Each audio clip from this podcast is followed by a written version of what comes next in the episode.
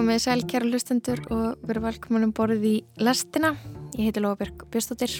Og ég heiti Kristján Guðjónsson, það er miðugudagur 27. desember, þriðji jólum. Þriðji jólum. Einmitt, um, allir búin að eiga gott jólafrí, uh, fegst ykkur að góða gafir, Lóa? Uh, já, ég fekk ágætt að gefur, sko. Ég fekk allavega jólabókina sem ég langaði í. Já. Og svo eina sem ég hugsa að mér langaði ekki í, en nú ætla ég að lesa hana og því ég fekk hana, virkar það ekki þannig? Þú getur skiptinni.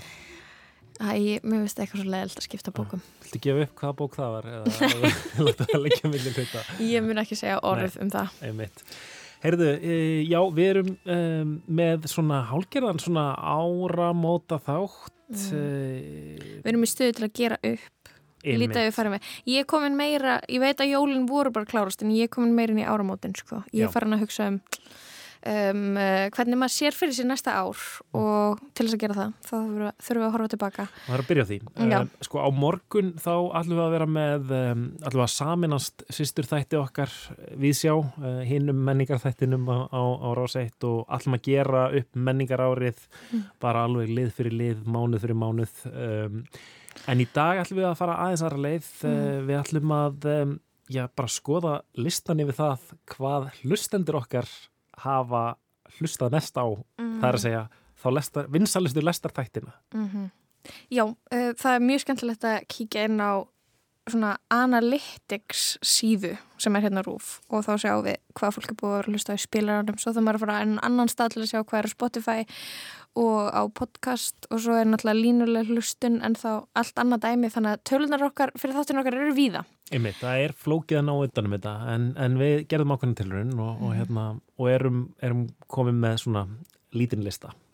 Já, eigum við að byrja á bara ef við ekki taka þetta frá fimm og upp. Einmitt, en, en enda á vinsalasta þetta Jú, jú, jú, við gerum það. Sko, þarna það er þáttur frá því mæ 4. mæ mm -hmm. sem að þarna það, það var þegar Kim Gordon söngkona Sonic Youth var sjötug. Já, það var þáttur langt viðtal við Heiðu Eiríksdóttur um Kim Gordon mikil Kim Gordon aðdæðandi bara ástæðan fyrir að hún fór að spila á ramagsgítar en það er líklegast pistill frá Davy Rhodes um rappran Móra einmitt. sem að útskýrir hlustunatölur þessar þáttar. Já, rapparinn Móri var hann að koma aftur eftir hvað, já, 20 ár frá því að hann gaf út, gaf út plötunum sína, atvinnu, krimmi. Um, Daví Róts fór á tónleika hjá honum uh, og saði frá þeirri upplifun uh, á sinn, um, einstaka, einstaka hátt. Um, rýndi bæði í, í arleið og, og, og hérna, nútíð og, og fortíð Móra. Um, ef ekki bara að heyra þennan pistil Daví sem að við höldum að sé ástæðan fyrir vinsaldum þessa, þessa þáttar uh, fymti vinsalisti lestarþátturinn þetta árið? Ég stefni ekki á botni, ég er ekki að sökka Þótt ég fíli ekki að drekka og vil ég heldur mökva Á svif nökva, ég svíf í gegnum mitt líf. Ég held mínu metnað og á toppin ég klíf. Fyrir rúmlega 20 árum síðan kom út fyrsta og eina plata rapparnans Móra, Atvinnu Krimmi. Í gríðarmikilli rappilgju ársins 2002, eftir kvöstunum af Rottvaler-æðinu, þar sem hátt í 20 íslenska rapplötur komu út, hafði Móri sérstöðu og platan var brautriðandi verk. Þetta var fyrsta íslenska glæbarapp-platan. Nú á dögunum var platan loksinskerð aðgengileg á Spotify og helstu streymisveitum og af því tilöfni kom Móri fram á tónleikum síðasta lögadag í fyrsta skipti í meirinn áratug á Kegshostel. Ég er múri, atvinnu krimmi Ég á tvo bíla og annað þeirri bimmi Luggar einir allt til að loka mig inni Og þeim tókst að mér að segja einu sinni Á blötunni Atvinnu Krimmi var rappað um heim sem ekki var tæft á í öðru rappi eða íslenski tónlist almennt á þessum tíma. Móri var aðeins eldri og lifaðari en flestir íslensku rapparnir sem spruttu upp árið 2002 í mikla kvelli íslenska rappsins sem XXX Rottweiler hundar og þeirra fyrsta breyðskifa ári áður hefur hundið af stað. Platan skar sig úr, bæði í umfjöldunarefni og hljóðheimi. Móri var atvinnu krimmi, maðurinn sem feður ykkar vörðið ykkur við. Átti tvo bíla og annað þeirra var bimmi. Hann rappaði um eitilífasölu, handrukkanir og spiltar löggur og þó að eitthvað af þessu var í kannski karakter, þá var einhvern veginn augljóst að sá sem hjælt á penna hefði í það minnsta einhverja reynslu úr þessum heimi.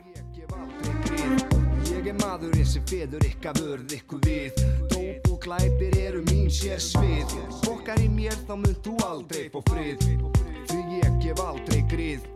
Móri var kannski ekki teknist besti rapparinn. Hann var ekki hraður og léttskeiðandi og strákarnir í Forgotten Lores til dæmis. Og af og til bara á nett klaufalegu leikskólarými eins og friður því miður. En það var samt sjarmennandi á sinn hátt og oft var hann líka ljóðrætt og djúbstæður eins og þegar hann lýsir langt leitum alkohólista sem hefur brent flestar brýr að baki sér sem brotni taktur, þú vildir ekki enda sem fyllir aftur og fórst á vók en þar var ekki kjaftur sem gætt hjálpa þér og nú ertu farin í sama farið aftur.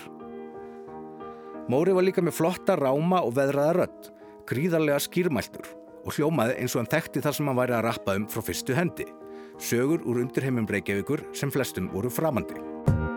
Sýrunu væla, veit ekki hvað ég var eiginlega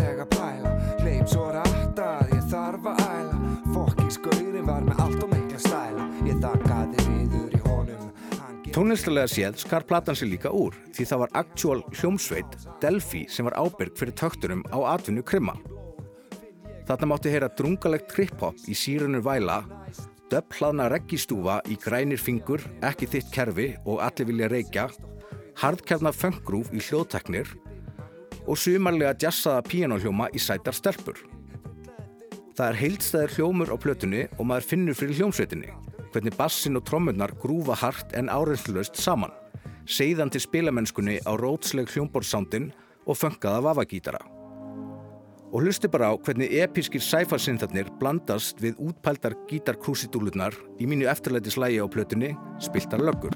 Löggan hún lígur og svíkur Þú veist ekki sannleika fyrr en um yfirlíkur Þú veist þú hefur rétti þess að deyja Það er ekki Það var áhugavert að hlusta á Móra á tónleikunum um daginn og ég framaldi af því á plötunans aftur. Því ímislegt sem hann var að rappa um árið 2002 og voru þá jaðarskoðanir hefur vaksið stórfiskur um hrygg síðan. Það eina sem ég vil er bara lögleg þing, búin til frumvarp, sendi það á þing, segir hann til dæmis í grænir fingur um lögleðingu kannabisefna sem síðan þá hefur gengið í gegn í mörgum löndum og umræða um afglæpavæðingu hefur líka verið gríðilega hávar hér á landi síðustu misseri, þó ekki hefur hann gengið í gegn ennþá og er orðin meginströmm skoðun hjá meirulita fólks af yngri kynsluðinni. Þá hefur gaggrinni hans á AA-samtökin og þeirra kvasi trúarlegu meðferðarúræði eins og Móri setur fram í brotni taktur aukist mjög á allra síðustu árum. Skjálpökum orðingar allir uppir hópa Og yngi lögga, það vita allir að þú ert að kóka En ekki síst er það gaggrinni hans á lögregluna, geðþóttavald hennar og grimd sem beitt er gagvart vímuöfnanótundum sem á vel við og endur ómar í kröfum þeirra sem berjast fyrir afglapaðingu í dag.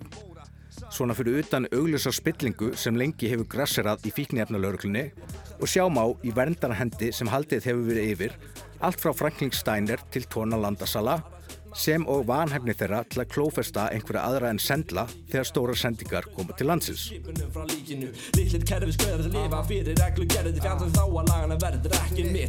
kerfi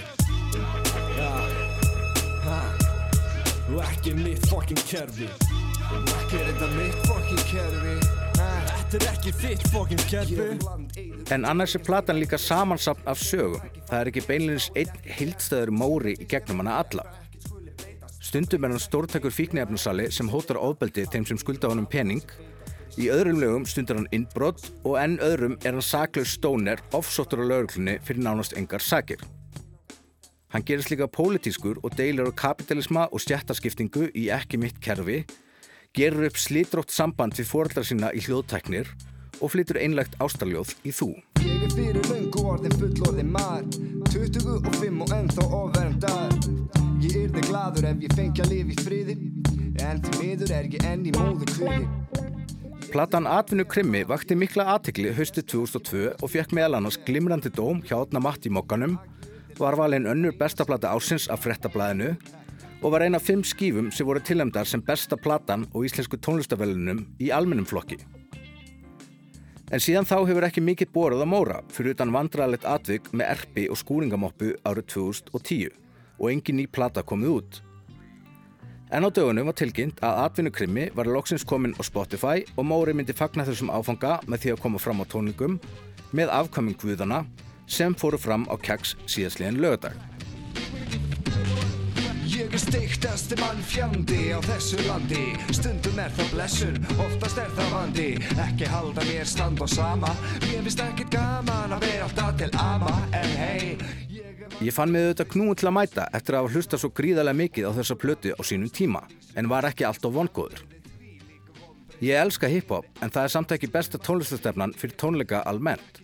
Og ég hef ótalengdu oft orðið fyrir vonbreiðum þegar ég loksins ber gamla rappkempur eins og Snoop, Wu-Tang og Nas augum á tónleikum. Þannig ég bjóst við vandræðalegri nostalgíu þegar ég mætti á smekkfullan kegg síðasta lögutaskvöld. Afkvæmi guðuna, sem voru einmitt upp á sitt besta á svipuðum tíma á Móri, hýtuðu upp og stóðu svo vel með liveband sér við hlið, ekki síst í setni hluta setsins með lögum eins og rigning á heiðskýrum degi. Þunglindislegu kvítrastráka bakbókarappi undir miklum áhrifum fyrir listamönnum eins og Seitz Francis og breytt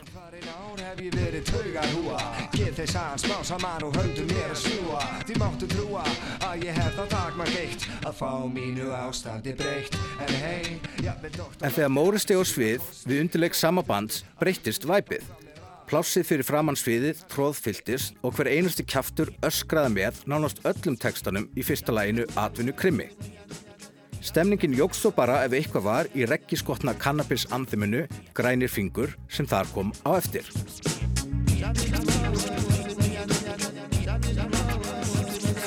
Ég skil ekki af hverju þið vilja banna Ég eina sanna, marihuana Annar hver maður á landinu tókar Allstað að stíga, reykja, strókar Ég Þarna var samankomin skrítin blanda af hipsterum, hiphop elskundum og harsauðsapartíi úr Efra Breiðholti cirka 2003.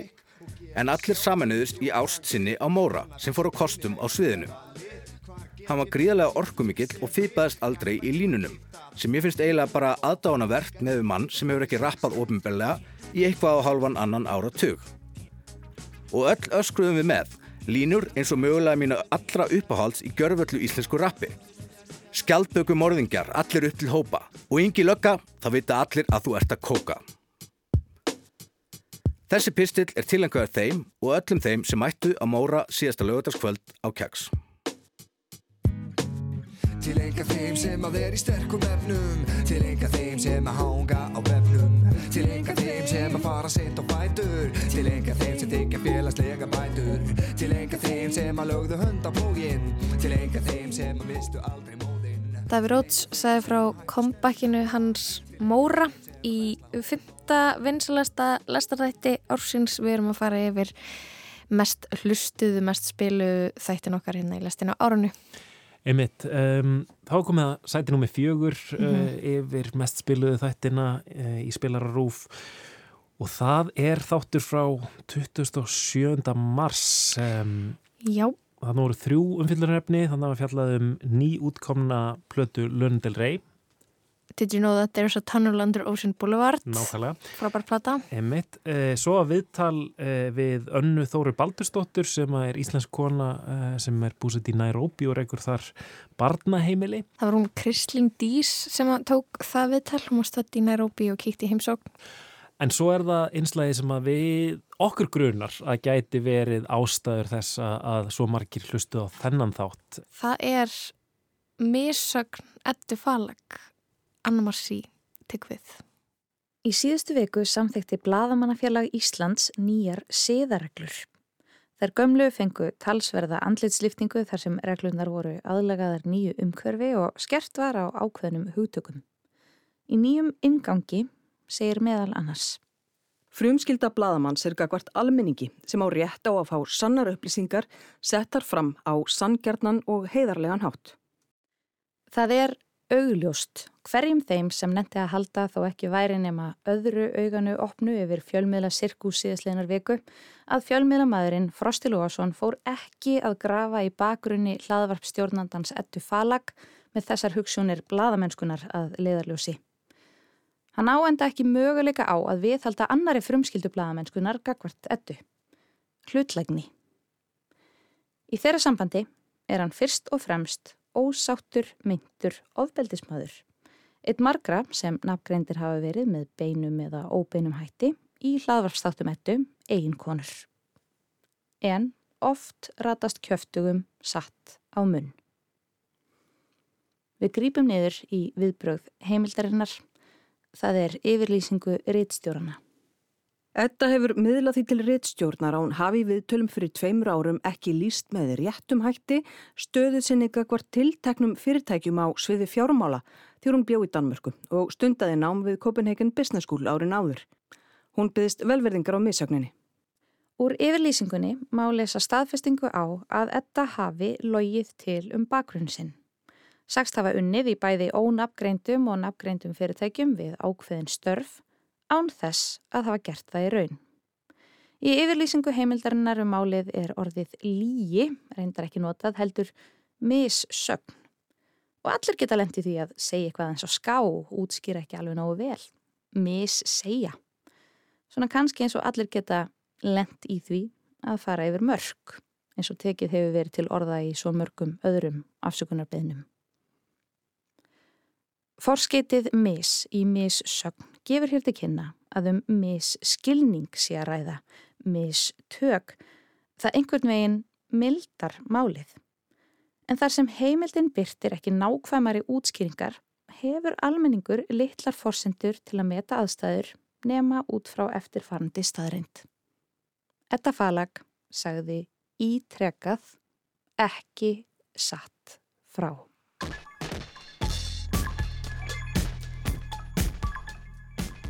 Í aðsendri grein á vísi skrifa þær Sólei Tómasdóttir og Hildur Lillendal Vikostóttir um hvernig feðraveldi spilar á feminiska aðferðafræði hverju sinni. Skrumskælir hana, segja þær, og vísa þar til þess að svo kalladar slaufunar tilraunir ganga í allar áttir, ekki bara frá þólendum yfir til myndra gerenda, heldur einnig öfugt. Það er góð og gild greining á ástandinu hvort sem umræðir samfélagið í heildi eða þessa tilteknu allögu frosta gegn eddu. En svo komum við að annari staðhæfingu þeirrar sólegar og hildar. Það hvort edda falagvann í bankaða bakari skiptir engu anskotans máli. Og þar vandast staðan. Eins og stöðningsmenn eddu hafa benta á undir millumerkinu afsakið síðustu daga hefur fullt af fólki bólstrað ferilskrána frammi fyrir til dæmis nýjum atvinnuveitendum eða jáfnvel þintana frammi fyrir nýjum mögum en það er ekki bólstrunin sjálf sem skiptir máli í þessu samhengi. Heldur samhengið sem Edda setti hana í. Ferill Eddu eins og við þekkjum hann í dag hófst á samfélagsmiðlum.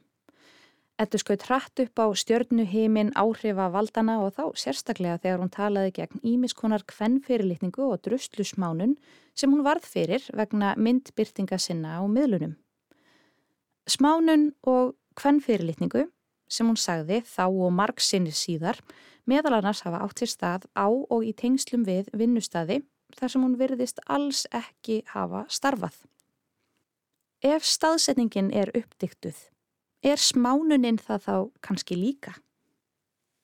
Allar konur, hvort sem þær verða þess varar eða ekki, verða fyrir einhvers konar kvennfyrirlitningu á lífsleðinni, sem hópur og sem einstaklingar. Etta hefur orðið fyrir svívirðilegri kvennfyrirlitningu og áreitni fyrir opnum tjöldum. Þessar árásir helgast af því að Etta hefur gefið fólki sem á um sárta binda orðið. Hjálpað tögum þólenda af ímsu tæjað hefði upp raust sína. Mögulega skipta þær hundruðum. Erfitt er að mæla áhrifin því einn saga í fjölmiðli getur hvart fjölda annara til að segja frá, varpa af sér viðjum skammarinnar.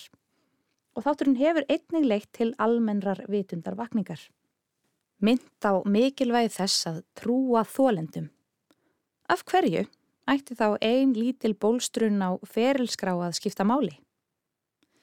Hún gerir það ekki fyrir fólkið sem hatar ettu, það myndi hatana samt og ekki fyrir fólkið sem elskar ettu. Það elskar hana samt. Baráttan snýst um hvorugan þessara hópa. Baráttan snýst um meðal manneskjuna sem hefur ekki tíma til að fylgjast með frá öllum hliðum, ekki orgu til að mynda sér í grundaða skoðun.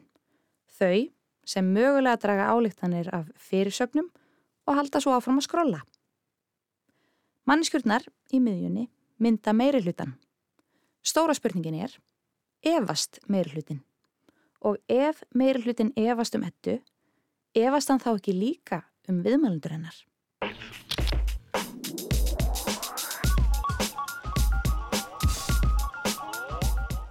Efi er bráðdreipandi smitt sjúkdómur þegar kemur að fjölmiðlun. Sérstaklega þeirri fjölmiðlun sem etta stundar. Þar sem hún er ekki bara bladamaður eða aktivisti, persóna hennar er vörumerkið. Og þegar tröst á vörumerkinu dalar, dalar einnig tröstið á vörunni. Í þessu tilviki viðtölum við þólundur. Það þýðir ekki endilega að fólk dræði þá álíktun að af því að etta hafi logið um eigin baksögu þýðir það að viðmældur hennar gerir það. Flestir sjá að það er ekki beint orsaka samhengi.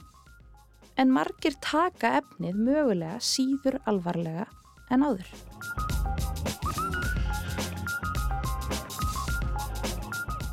Þetta er áhætta sem etta velur að taka, meðvitað eða ómeðvitað. Fjölmiðlar hafa vissulega átt þátt í að setja hana í forgrunn og þar kemur inn bæði kvennfyrirlitning og kynþáttahyggja en staða hennar á persónulega enda fjölmiðlarófsins snýr líka því að hún tekur afstöðu. Tengir upplifanir viðmælanda sinna við eigin upplifanir og skoðanir. Hún gaf út bók um sjálfa sig fyrir jólinn. Í vikunni skiptur hún um nafn á þættinum sínum. Úr eigin konum í ettu falag. Bókstaflega. Persóna hennar er órjúvanlegur hluti miðlunarinnar. Hún er kjarnaþáttur í velgengni hlaðvarpsins en einnig það sem stopnar tröstinu og trúverðuleikanum í hættu.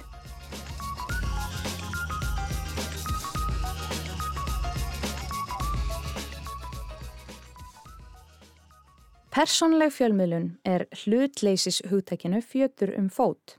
Personur geta ekki verið hlutlausar. Sumum finnst þess vegna að bladamenn eigi einmitt að bera skoðanir sínar á torg svo almenningur viti þær hinnlega og geti lesið í verk þeirra út frá þeim. En þá er hægt við að fólk hafni í mismunandi bergmáls hellum. Fylgi bara þeim miðlum sem þeir eru 100% sammála.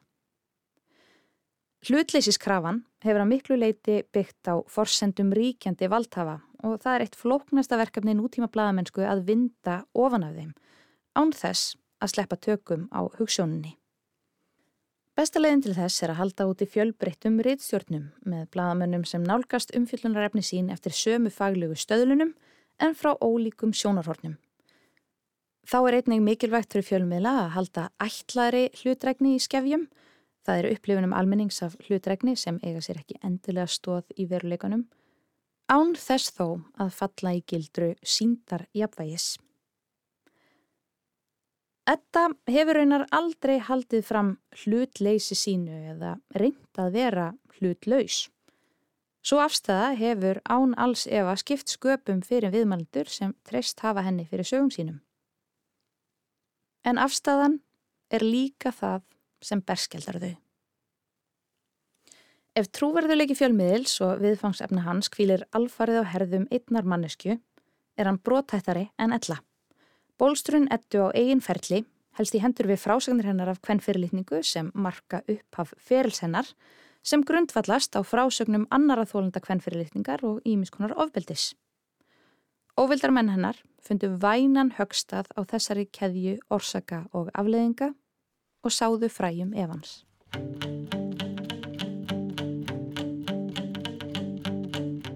Á Facebook síðu sinni saði Hildur Lillendal að allaga frosta að ettu snúist ekki um að fá fram svör. Þetta snýst um að taka okkur niður, skrifar Hildur. Og kannski er umrætt okkur, ekki bara fólkið í framlínu baráttunar, heldur einnig þau sem barist er fyrir. Fólkið sem sagði frá, fólkið sem hugsa sig núna tvísvar um að segja frá, ein einasta kona sem upplýsti um meint ofbeldi landstækts fyrirverandi kærasta í hlaðvarstætti. Raunverulegur skótsbótn árása á konur eins og ettu falag er sjaldnast þær sjálfar.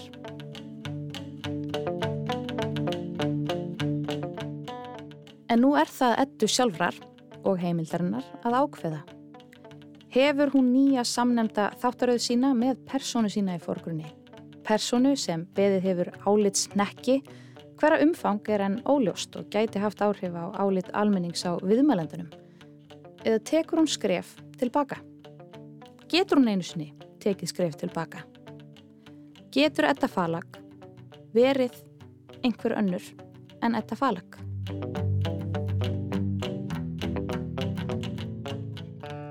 Þetta var Anna Marsebill Klausen sem að fjallaði um missögn á fyrirliskrá Eddu Falag 27. mars síðastliðin. Fjórði vinsælasti þátturlestarinnar í Mm. spilara Rúf þetta árið. Eh, Við erum að fara yfir já, mest áhlustuðu þætti lestarinnar þetta árið. Þetta er Lestin Wrapped. Einmitt. Um, mest lesið. Um, já, við erum komin að sæti númer þrjú og það er þáttur sem að veldur okkur svona smá heilabrótum að því að við áttum okkur ekki alveg á því hvað naut svo mikil að vinsalda í þeim þætti. Nei, út Eh. því að með hin, hina tvo þá skiljum við alveg. Það voru allir að tala um misögn á ferilskrætu fallag, Mhm. Móra, pistillinans Daví sem var mjög vel metin af, af, af fólki sem að myndi Móra frá því í gamla daga. fekk, fekk svolítið dreifingu á netinu. Fekk svona. dreifingunetinu, en svo er það þessi þáttur og hann, það eru, hvað eru, þrjú efni þar. Mhm. Um, Fín efni, Já. góð efni, Já, góðu já. þáttur myndi ég segja. mannlegur þáttur sko, það er Já. þarna marakusku matur á Sigló um, það er veitingastæður á Hotel Siglunes og heiða veitirskipt í heimsókn og, og mjög vel metin staður Mhm. í samfélaginu sko Kanski hefur allur siglufjörður hlustað á það til. mögulega um, og svo er það hljómsveitinnar Mukka og Virgin Orchestra Já, Daví Róts uh, rýndi í nýjar afurðir frá þessum Mhm. ungu íslensku sveitum. Um, já, kannski hafa allir í kringum, kringum þær hlusta á þáttinn, það, það er möguleiki. eða bara efnins Davís svo vinsælt, Það geti verið, það geti alveg verið. Það geti líka verið. og svo er það gamall gamalt einslag, en það var endurflutt og það var hérna útvarsrástefna í gangi á meðan og við þurftum að bregða okkur frá og spila gamalt efni. Mm og það það var saga kaffidrykju þar sem þú tala við Má Jónsson og þetta er nokkur ára gamalt efni. Já, og okkur Eh, þótti það ekkert endilega þó þessi mjög gott einslag þótti það ekkert endilega líklegt til þess að þú veist fara í mikla dreifingu nei, um, ég meina, margir drekka kaffi, kannski um, margir er, elska kaffi kannski margir forvitnir um sögu kaffidrykju. Mhm. En, en þetta hefur allavega valdið okkur svona smá heilabrótum, nákvæmlega hvað það er sem að, að, að við tókum ekki eftir því að þessi efni færi í svona sérstakka dreifingu á netinu, uh, en þannig að þannig eru orðin, orðin svo, svolítið svona skeftisk á tölunar hvort það séu að bregðast okkur eða hvað, einmitt. mm. um, en, en, en enga síður þá ljúa tölunar ekki höldu við þannig að, þannig að þetta, kannski verður þetta bara verið svona sam, hvað, hvað ég að segja kannski hefur þetta bara allt verið góð innslög sem að rata til sinna og, og saman gert vinsalan þátt já, einmitt en já, við getum pælt í því að eilífu en við skulum fara í þátt nummer tvö hvað er næst vinsalasti þáttur lestarinnar þetta árið lofa? Það er þáttur frá 8. mæ og það eru þrjú, þrjú umfyllunaröfni eins og oftast í lestinni. Og það eru Rauðar heimsbókmyndir ný plata JFTR, hann er Jófriðar Ákvæðstóttur og svo pistill um uh, heitasta tjokko landsins Pretty Boy Tjokko Og hvað, hvað heldur að það hafi verið sem hafi laðað fólk að? um, Sko, ég veit að ég skrifaði hann pistill. Um, og ég er ekki að reyna að gera mikið úr sjálfur mér hérna, en ég held að mjög margir verið afar forvitnir um þetta menningafyrirbæri nýja nakkan og já, svona í rauninni eitthvað svona nýja markaðsfíkur, nýja tegund af auglýsingum, eitthvað sem að fólk skildi ekki og aðrir voru að dyrka Mm -hmm. og það er pistillin, pistillin um, um Patrik Allarsson, Pretty Boy Choco og ég held mögulega að hann, hann hafi fengið svona mikla hlustun. Mig grunar það, uh, hann fór í dreifingu og, og Patrik hefur reyndar verið að spila brotur þessum pistli á tónleikum sjálfur, eða Já, ekki? það er þarna það er brotur sem pistli er intróðans inn á tónleika þannig að ég, ve ég veit ekki alveg hvað mér finnst um það en þarf maður ekki bara að kunna með það Algjörlega. og hafa húmor fyrir því Uh, við skulum heyra pistil Lói Björkar um Patrik Allarsson, Pretty Boy Choco. Orðið Choco hefur leið í dvala um nokkurt skeið. Þetta er nafnor sem lýsir ákveðinu típu karlmanns eða drengs sem hugsar vel eða að minnstakosti mikið um eigið útlitt. Hann er sólbrún, það er aðal atriðið. Hvort sem það er brunkukrem eða ljósabækja tann þá er Chocoinn súkulæði brún, Choco, chocolate, súkulæði, orðsifjar. Einlega til þess að skilja þetta orð er að minnast á sambarilega típu af kvennmanni, skinkuna. Ef hlustandur þekki ekki fyrirbæri þá er skinkan líka brún, kannski með álita hár eða kolsvart. Og þessi orð fela eflaust í sér einhverja fordóma, kannski eru þau notið á niðrandi hátt, kannski þá aðlaga fólki sem þykir að hallarislegt að vera tjokko eða skinka. Því að tjokkor og skinkur klæði svo oft í flegin og augrandi fött, totla ekkert sérstaklega vel í tískunni, elska að djamma og detta í skemmtistæðasleik og eru kannski svolítið hallarsleg, stíga ekki beint í vitið. En kannski er ég að koma upp um mína eigin fordóma. Kannski eru til blíðari skilgreiningar á fyrirbærunum tjokko og skinka.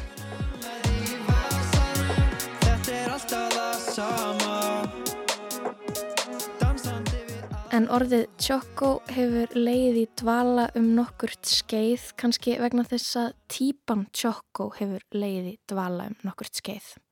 Frægir tjokkoar eru smánaði fegurðarprinsinn DJ Óligeir sem var sviftur titlinum Herra Ísland, Gilseneggar að sjálfsögðu, Ásker Kolbensson, Kolbarinn og auðvitað tískuþrællin Gummi Kíró. Og sá nýjasti og mest ábyrgandi í dag er hann Pretty Boy Choco. Hérna, hver er, hver er Patrik? Patrik er bara ungu maður úr Hafnarferði og fyrir sendum undir nafnir Boy Choco. Það er Patrik Snær Allarsson, tónlistamæður sem gengur undir þessu listamannsnafni Pretty Boy, Fagur, Drengur og Choco í tveimur merkingum. Hann er solbrún en líka erfingi súkulæði verksmiði. Barnabarn Helga í góu.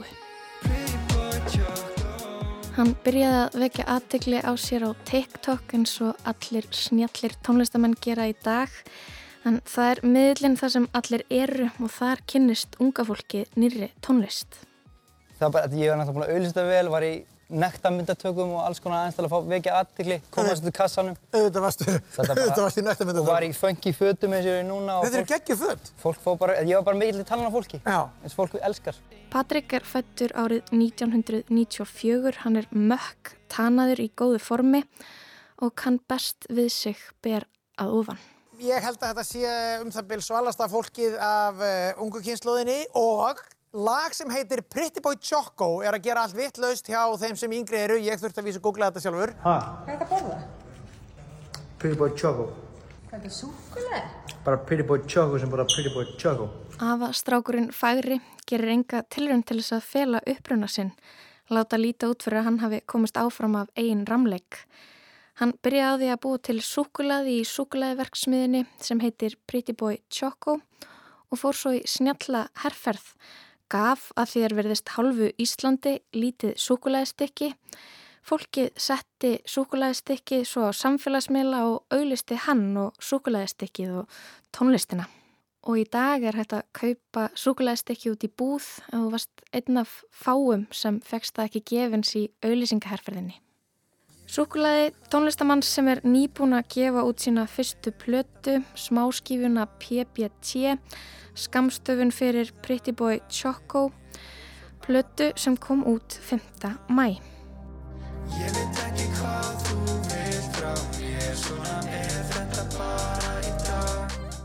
Platan er 5 laga, hún er 13 mínútur í lengt og á henni er að finna lögin Hiti með þreymur eigum á klubnum þar sem tónlistamæðurinn Luigi er með í fyrr. Lægið Pretty Boy Choco sem var fyrsti singullan hans sem kom út í mars. Lægið Allar stelpunnar, skrifað með hástöfum, Gugguvaktinn og lægið Búinn að gleima þér, punktur, punktur. Á dögunum tilkynnti Birgitta Líf Björnsdóttir áhrifavaldur umbósmaður og World Class erfingi, dóttir Dísu og Björnsæ World Class, að hún væri orðin umbósmaður Patriks. Samningurinn var innsiklaður með myndbandi þar sem Helgi í góu og Patrik fara á fund Birgit og Björnsæ World Class. Þar sem ættföðnir fara yfir málinn og veita þessu samstarfi afkomenda sinna blessun sína. Tónlist og viðskipti renna saman í eitt, feðravaldið, fjölskyldu, feðurnir, leggja blessun sína yfir samstarf sem kemur fyrirtækjanu þeirra vel. Góa og World Class, Súkulæði og KFC, Helgi í Gói á auðvitað KFC á Íslandi og World Class stærsta líkamsræktarstöð á Íslandi. Og Chocoin gerir lög fyrir jammið og tónlistamindböndin eru tekin upp í world class og allir borða Pretty Boy Choco súkulæðið og þetta eru allt auðlýsingar og við klöppum með og allt er svo mikil stemming og fata af kjúklingavangjum og hlaupabrettin í laugum og við erum öll tönuð og rík og sætt og ber að ofan. Það vandar orð á íslensku yfir það að vera sellátt Kanski er orðið ekki til á íslensku því að það skiptur okkur ekki máli að geta líst því að selja sig ódýrt, að selja ímynd sína. Ég til er í kynnslóð sem veit ekki hvað það er að vera sellátt. Það skiptir aldrei máli. Það er allt bara stemming. Þetta er orð sem skipti einu sinni máli. Listafólk þurfti að passa sig að selja sig ekki ódýrt, passa upp á ímynd sína og trúverðuleika, leifa ekki markaðsöflunum að nýta sér ímynd sína og ósvikin nettleika. Listafólk hefur það sem auðlýsingastofur og fyrirtæki skortir, sögur, personuleika, frumleika, trúveruleika og mennsku. Þetta orð skiptir kannski engu máli í dag. Það tilherir kannski tíma þar sem það var til listafólk sem setti sig upp á móti ríkjandi öllum í samfélaginu, byggði afstöðu sína á einhverju hugmyndafræði. Það sem markasöflin, peningafólkið og valdafólkið voru óvinnurinn, ekki pappiðinn og afi. Og hvernig er hægt að vera sellátt ef þú byrjar á því að selja þig, ef þú ert til sölu frá fyrsta degi? Ef auðlýsingin fyrir listina er listin ef þú ert varan og þú ert með fleiri vörur til sölu sem þú getur auðlist á meðan þú auðlýsir þig. Ef pappi og afi græða á því að þú gerir list, efni og content, samfélagsmiðla, herrferðir og samstörf.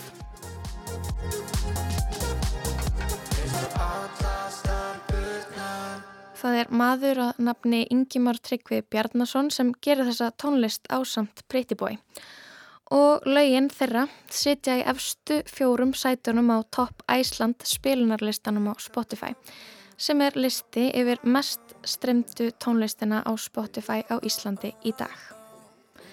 Pretty Boy Choco er vinsæl á Íslandi.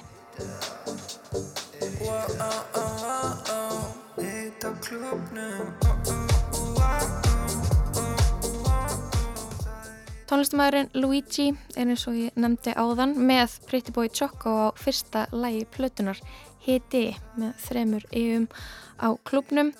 Luigi, hann á það sammeilegt með Patrik að vera fótboltastrákur. Það er hiti á klubnum, syngja fótboltastrákarnir í lægi sem var samið til þess að spila í hlýi á íþróttaviðburði.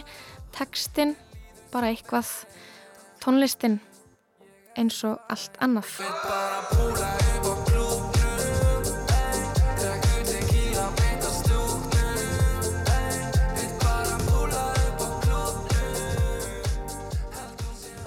Fagri sukulæðistrákurinn veit vel að tjokkoar eiga að vera heitir til að standa undir nafni. Ég renni yfir Instagram síðu sukulæði erfingjans þar er hann búin að byrta augrandi myndir af sér þar sem hann stendur allsber svo að sérst í rassin. Það er mynda honum nögtum í baði nokkrar af honum með fullnægingasvip mér til mikils ama. Myndinir af honum berum á ofan hlaupa á tögum Fagurfræðin er meira í ætt við profíl klámstjörnu en tónlistamanns. Hann er svo yktur, svo órennverulegur og svo kaltæðin að ég myndi skilja af ykkur heldi að hann væri bara grínast. En hann er ekki gjörningalistamæður, hann er ekki að reyna að segja ykkur neitt um samfélagið, hann er ekki að grínast þó hann grínist. Hann er bara réttur erfingi á réttum tíma að gera tónlist og fylla miðlana af auglýsingum og nekt og súkulæði og jamtónlist. Æja, Patrik, komdu hérna, fáðu sæti við hlýðin á Berglindi. Maður getur ekki gefið út lag og það lag heiti eftir manni, sko. Pretty Boy Choco súkulæði hérna. Ok. Allan nema sveppa. Jú, ég Nei, ég ræsir, ég ræsir, ég Ég ræsir. ætla ekki að borða þetta, ég Ég að er gera að þetta. Þetta er geggjað. Ekki er að trubla mig Þú ert Choco, þú ert Choco, ekki miskilum, þú ert Takk, Choco. Patrik, þetta er... Er á gugguvaktinni Þetta er Pretty Boy Choco um, pistill frá Lói Björk Björnsdóttur sem var fluttur í mæ. Þetta var um, já, næst vinsalasti þáttur ársins í, í lestinni Mhm. Eh, Pretty Boy Choco þetta mikið á milli tannan á fólki þannig að margir höfðu áhuga á því að heyra einhverja greiningu á honum Já. og um, já, þannig að þetta svona nöyt vinsalda fór í dreifingu Já, þetta, ger, já, þetta var fínt bara. Þannig að, um, sko, það, það, var- þá er það vinsalasti þátturinn í ár og það er svona bæði kemur og óvart og ekki út af því að ég held að þetta sé í rauninni versti lesta þáttur ársins vinsalasti þátturinn. Og þú veist, og þá náttúrulega tölur, þú veist, þær segja bara einhverja eina sögu og þú veist, allt þetta sko, út af Mhm. því að hérna, hvað er gott og hvað er slæmt? Og smekkur er mjög persónubundin en ég held bara að allir hljóti að vera samanlega um að gerfigreinda þátturinn okkar sem að gerfigreind bjóð til hljóti hafa verið leðilegasti þátturinn okkar. Eða hvað heldur þú? Emmitt, þetta er enda mjög góða spurning. Já, vinsalasti þáttur ársins er eini þátturinn sem að sko, engin við komum ekki að og engin lestarstjóri, engin þáttarstjórnandi lestarinnar kom að. bara handrit skrifa að chat GPT eða GPT-4 Mhm. og talgerlar sem voru búnir til með röddunum okkar upp í háskólanum í Reykjavík lesa Emmitt og svo er viðtal reyndar við alveg þrjár alvöru manneskjur Mhm. en tekið af gerfugreind og tónlistarval í höndum gerfugreindar pistill eftir uh, gerfugreindar tilbúið tilbúin pistlahöfund Storm Steinþór Sveinsson sem er ekki raunveruleg manneska hann, hann rínir í nýju plötu Sigur Rósar eða Sigur, Sigur Rósar Sigur Rósar Sigur Rósar Já, þannig að ég menna Já, en sko auðvitað, þetta var auðvitað, hvað ég var að segja, hápunkturinn á löngu verkefni sem við vorum að vinna að sem að var þessi seria sem við köllum gerðugrindarlestin um, þar sem að við já, bara eh, unnum að því að gera þennan þátt við, við leiftum hlustandum með okkur í það ferðalag, hvernig maður býr til gerðugrindarsmíðan lesta þátt og það var svona hálgert svona ævintýri eh, með alls konar hættulegum um, hættulegum senum og, og Já, Erfiðleikum, já. já. og úr því var þessi seria sem við spilum á undan og svo var loka, loka þátturinn var, eða næstsensti þátturinn var þessi gerfugreinda þáttur, þátturinn sjálfurinn en einhvern veginn aðalatriði var í okkar huga líka serían Mhm. að gera góða og skemmtilega spennandi seríu með einhverju sögu en, en þannig að þú veist þegar maður sér þetta, þú veist, fólk hafi meira verið að- hlusta á þarna sjálfan gerfugreinda þáttin svona, ég heldur sem bæði svolítið svona ah, vildum að þið hefðu já, margir hlusta kannski á seríuna Já, sko, því að, já, ég held að okkur hafi fundist við, sko, ná að búa til, um, hvað ég var að segja, frásagnar uh, podcast Mhm. um, sem að við vorum mjög ánað með og, og stolt af uh, þessi frásagn af gerð þáttarins. Uh, en, en það er auðvitað svolítið, við, við mættum auðvitað líka í sjómasviðtal og, og útvarsviðtal og, og hérna sögðum frá þessu á, á mörgum vettvöngum. Um, en það er kannski svolítið erfitt að ná utanum þetta, hérna, við viljum gerðnan að þið hlustið á gerð þáttarins. Einmitt, Veist að því ég minna eins og ef það er gerð bíómynd og svo er gerð eitthvað svona gerð myndarinnar þá vilja flesti bara sjá bíómyndina en ekki sjá gerð myndarinnar. Já, einmitt, þetta er eitthvað þannig og svo er hann líka, þú veist, veginn þátturinn hann heitir fyrsti gerfugrindar þáttur í íslenskri útvarpsögu það er svolítið svona eitthvað wow, ég verða Mhm. að aðtöða málið, skilur, Já. ég verða að tjekka þessu. Og ég held að mjög margir hafi bara vilja uh, tjekka á þessu, bara, hei, hvernig kemur það út þegar gerfugrind gerir útastátt, skilur og, og frekar en að fylgja, fylgja þátt að gera mönnum í gegnum allt ferlið sem hljómar eitthvað sér ekkert mjög spennandi. Nei, einmitt, það hljóma kannski ekki. Það var okkur fannst það spennandi. okkur fannst það mjög spennandi og ég, ég held að þeir sem, sko, þeir sem hlustuðu á alla seríuna, ég held að Mhm. sko gerfugreinda þátturinn sjálfur hafi verið mun skemmtilegri fyrir þá, af því að þeir voru búin að fylgjast með öllu ferlinu, Mhm. gerð talgerlana og, og það hvernig við fundum efnin og, og fylgjast með hvernig viðtölun voru tekin og svona, Mhm. í staðin fyrir að koma bara svona algjörlega kaldur inn að gerfugreinda þættinum Já, og skilmar ekki ákvarðanir á bakvið. Nei, Einmitt, Einmitt. veit ekki alveg hvað en við hugsaum þetta næst þegar við þurfum að marka að setja um, Já. sjáum til En svo, einmitt, svo veist, það er alls konar í þessu. Gerfugrind var náttúrulega bara einhvern veginn stóra málið í ár, allavega í byrjun árs. Mhm. Þá var það svona, og það var búið að vera í smá tíma og það var alveg svona rosa, þú veist, mikil áhugi og mikil umræða Já. og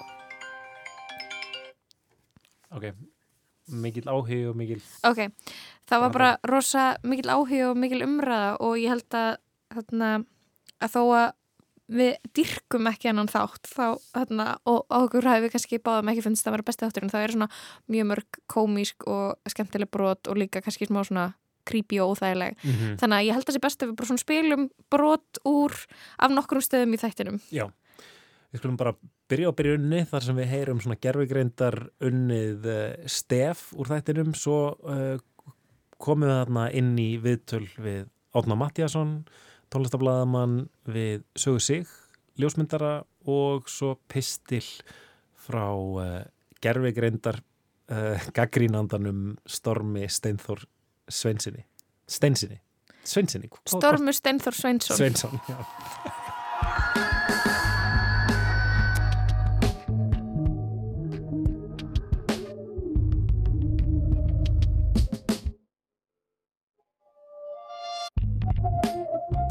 Í lestinni í dag þróun tónlistarstreymi þjónustu, ljósmyndakonan Saga Sig og nýja plata Sigur Rósar. Ég heiti Lóa Björk Björstóttir. og ég heiti Kristján Guðjónsson.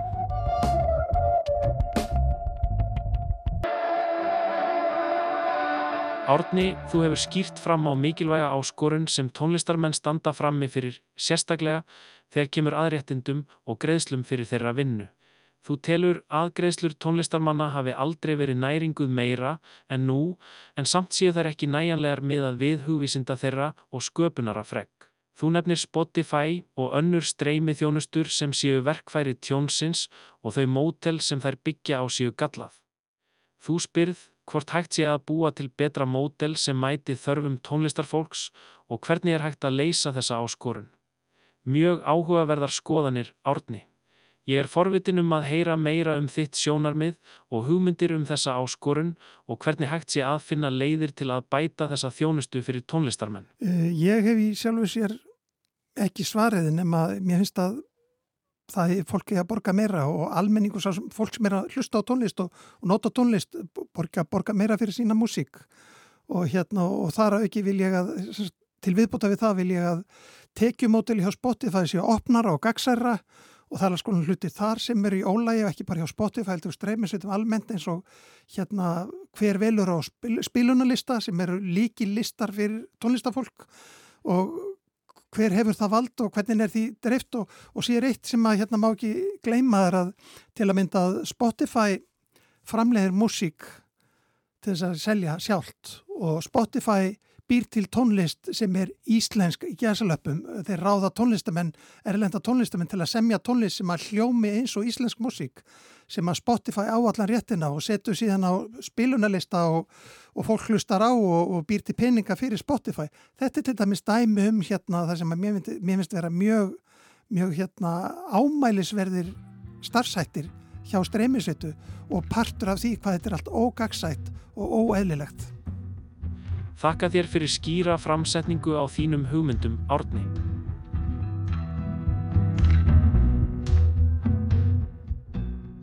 Ímyndunarafl tónlistarinnar er einstaklega stert og Sigur Rós hefur lengi skapað undurheim með sinni tónlist sem lagt yfir landslag sem er jafn magnafalt sem hægt er að nálgast. Nýjasta verkið, Átta, er engin undantekning og hljómsveitin stendur með báðar hendur í djúpin blá. Opnunarlægið, glóð, heillaði mig strax. Það er einfalt, næstum púrist og yfir því liggur einstaklega heillandi náttúrleg dýft. Það er sem tónlistin sé að gera krók í gegnum flóknar tilfinningar sem eru jafn magnaðar sem þær eru djúft persónulegar. Velkomin í lestina Saga sig þú hefur skapað þér nafn sem ljósmyndari sem brýtur mörk milli listagreina. Verkin þín eru sérstaklega draumkend full af dramatísku ljósi og skugga og blanda saman myndlita og ljósmyndalista á stórkostlegan hátt. Í dag munum við kafa inn í verk þín, ræða áhrif sem hafa mótað list þína og skoða hvernig þú notar ljósmyndunina sem verkfæri til að skaka upp í hefbundnum fegurðarstöðlum. Hvernig byrjaðir þú ferilinn sem ljósmyndari? Takk fyrir þessa frábæru kynningu.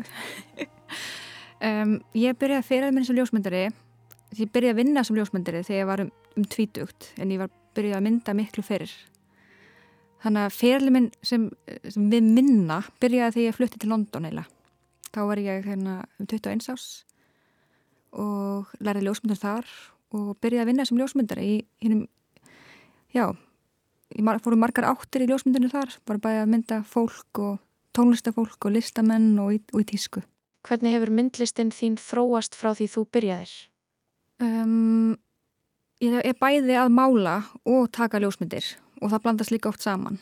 Um, myndlistin mín, myndirna sem ég mála, þær byrjaði að, mynd, ég byrjaði að mála þegar ég var í London og var einhvern veginn að koma frá mér tilfinningum og þá byrjaði ég að mála. En það hefur svona þróast saman, hann að stundum blandast það saman og stundum finnst mér mjög gott að taka pásu frá ljósmyndinni og mála og hérna, já, þróast ykkur tíðina um, þróast bara með manni eftir því sem maður breytist sem manneskja maður er alltaf að breytast og upplifa hluti og, og sjá nýja hluti og, og hérna og vinna í sér þannig að það, ég held að ljósmyndininn og, og myndlistin breytist bara með því Aður en við segjumst svo bæ viljum við taka Hjörvari Þorðarsinni sem stóð fyrir tækjum okkar í dag. Þakka þér Hjörvar. Já, takk Hjörvar og takk þér sem heyrðir á okkur. Góða helgi allir. Já, Hjörvar Þorðarsson var alls ekki tæknumæri þessum þætti. Þetta var bara einhver bull persóna sem að gerfugrindin bjóð til. Vorum að hlusta á þrjú brot úr fyrsta gerfugrindaþættinum í íslenskri útarfsögu og vinsalasta lestarþættinum þetta árið. Mm -hmm. Við ættum kannski bara að útvista vinnin okkar til gerðagrindar að þetta gengur svona vel hjá henni að fá lestum. Ég held að það geti verið niðurstöðan árið 2023. Einmitt, ef maður rínir bara í tölunar, ef maður, ef maður hugsa ekki um neitt annað, þá kannski er það niðurstöðan. Nákvæmlega. Um, við skulum ekki, ekki segja stjórnrúf frá þessu eða dagsvastjóð. Nei, við látum enga vita. En svo, já, Hjörvar Þorðarsson var að segja tæknumæðurna heldur litið að Gretastóttir, hún var líka tæknumæður í dag. Við erum komin að leðlokum í þessu litla árs uppgjöri okkar hérna í lestinni og Já. ætlum að halda áfram á morgun. Haldum áfram á morgun ásand við sjá um, þanga til þá, verið sæl. Sjáumst í næsta þætti.